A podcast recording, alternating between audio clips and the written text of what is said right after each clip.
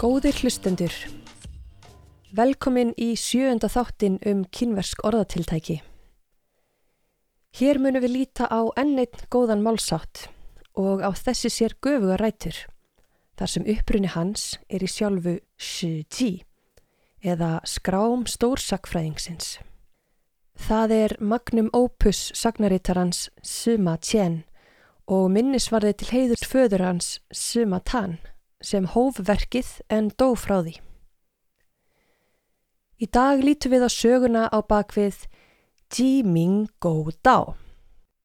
Eins og venjulega er sagan aftan úr fornöld og málsátturinn fjögur tákn, fjögur atkvæði, sem við fyrstu sín standa saman án mikillar merkingar, sem sagt einn stæmigert tjöngju og finna má.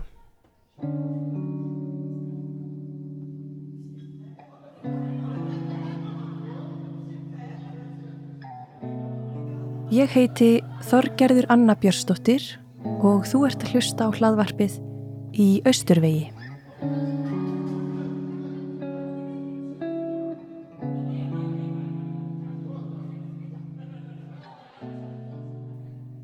Jiming Go Dao Hér kemur sundurliðinin. Ji er hæna eða hani. Ming eru hljóð eða köll-dýrs, fuggls eða skordýrs. Jiming merkir því hana gól. Gó er hundur og dá þýðir þjófur, ræningi eða að stela einhverju. Jiming gó dá. Hana gól, hunds þjófur.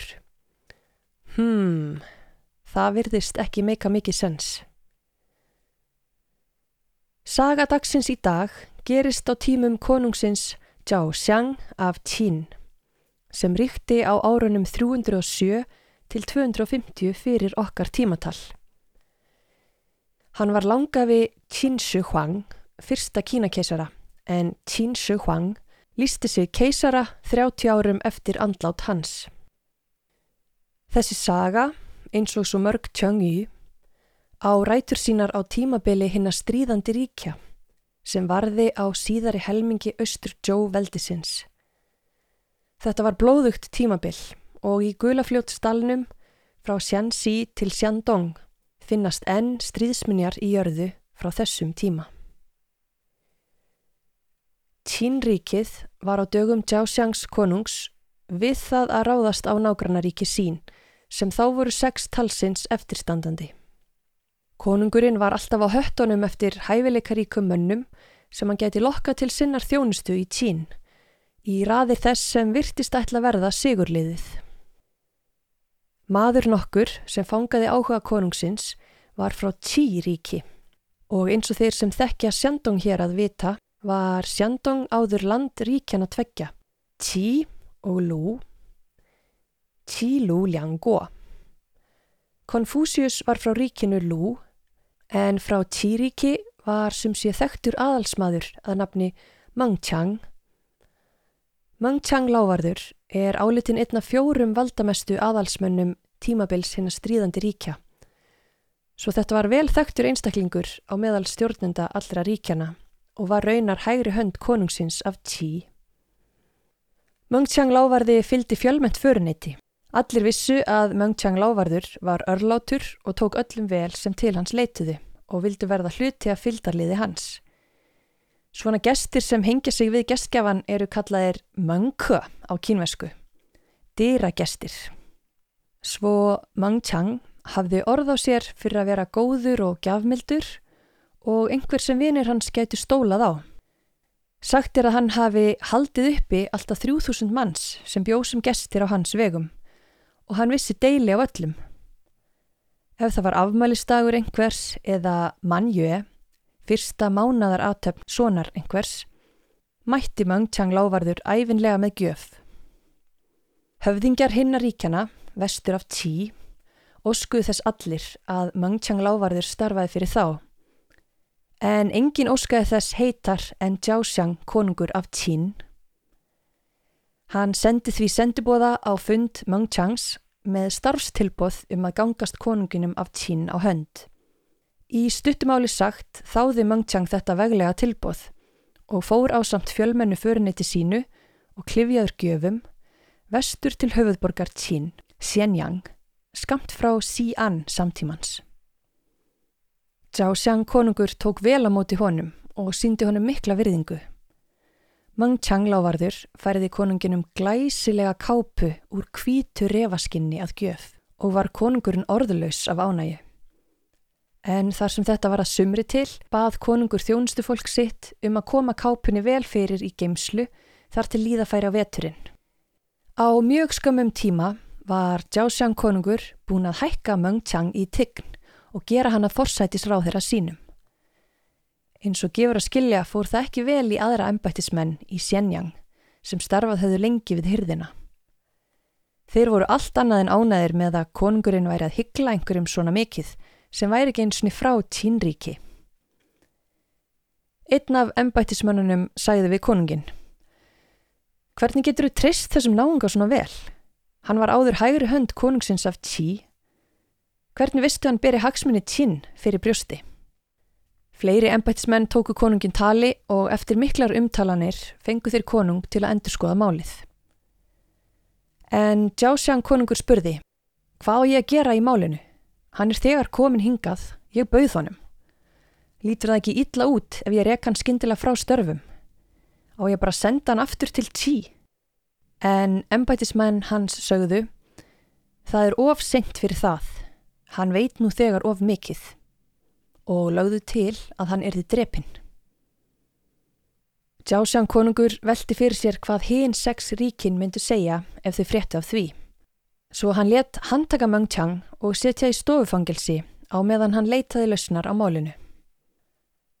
Meng Chang var því læstur inni en farið vel með hann.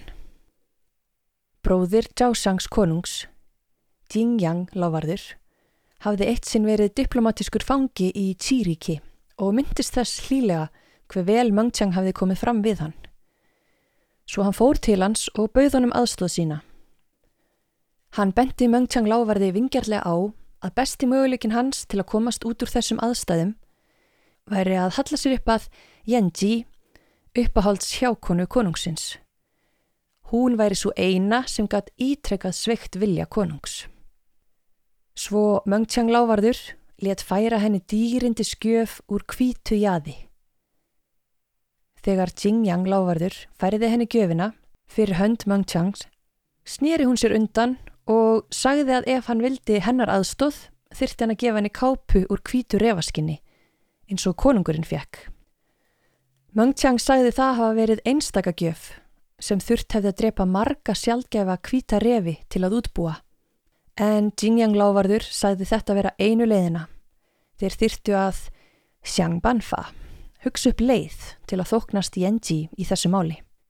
Einn úr förniti Mengchangs sagði Hafðu ekki áhugjur herra, Ég dulbi mig sem hund og stel kápu konungsins úr klæðagemslunni. Mang Chang vissi að þetta væri fyrir neðan virðingu hans, en í örvæntingafullum aðstæðum sínum samþykti hann ráðagerðina. Um kvöldið fór einstaklingurinn í dulargerfi stórs hunds, laumaðist inn í klæðagemsluna og náði kvítu revaskins kápunni. Kápan var svo færð í NG eins og um var samið og hún stóð þá við sinn hluta samningsins. Hún sannfærði konungin á viðkvæmi augnabliki þegar hann var ölvaður að leifa Mengchang lávarði að snúa aftur til Tsi sem hann samþykti. Öll tilskilin leifi og skjöl voru snöggvast græið sem nöðsleg voru til að Mengchang gæti á örugan máta snúið aftur til Tsi. Eins og Ramses annar sem sá að sér eftir að frelsa Hebrea fekk Jiaoshan konungur bakþanga um að leifa Mengchang lávarði að fara og skipaði hermönum sínum að hefja eftirför og ná hannum tilbaka. Rétt áður en Mengchang lávarður og fylgdalið hans náðu til borgarinnar Sanmön Xia í hönan héræði kom hann að Hangú skarði alveg við gulafljót. Síðustu eftirlitstöð Qin áður en komið var inn á landsvæði Tí-ríkis. Þar sem komið var fram á nótt var hliðvörðurinn búin að loka hliðinu fyrir nóttina og yrði það ekki opnað aftur fyrir en við fyrsta hanagal næsta dag. Svo einn úr fylgdaliðinu steg fram og fór að gera einmitt það, gala hástöfum eins og hanni. Það hlýtur að hafa tekist vel því að allir hanarnir á svæðinu fór að taka við sér og gala á fullu. Hliðvörðurinn var líka alveg ringlaður og opnaði hliðið svo að Möngtjang lávarður og föruneyti gáttu brunaði gegn, beint til tí eða sjandong samtímans. Þegar Qin hermeninnir náðu fram til Hangú skarðs var það þegar of seint. Bilið á milli þeirra og föruneyti Möngtjangs var of mikill. Þeir gáfust því upp og snýru aftur. Möngtjang gætt varpað öndinni léttar. Í þetta sinn slapp hann úr geni ljónsins með Jiming Go Dao, góli hanans og hunds þjófi. Allar gutur síðan hefur þetta verið notað um einhvert sem grýpur til lúalegra bræða til að koma einhverju verk og þá sagt að viðkomandi sé Jiming Go Dao, sama gildir um einhvert sem svindlar til að ná fram vilja sínum. Svo að einhverjum sem er ekki nógu klár til að leysa vandamálin með eigin kænsku heldur þarf að grípa til óheiðarlegra bragða, má lýsa með þessu tjöngu. Jiming Go Dao. Takk Sima Tjen fyrir að varðveita þessa skemmtilegu sögu í meistarverki þínu.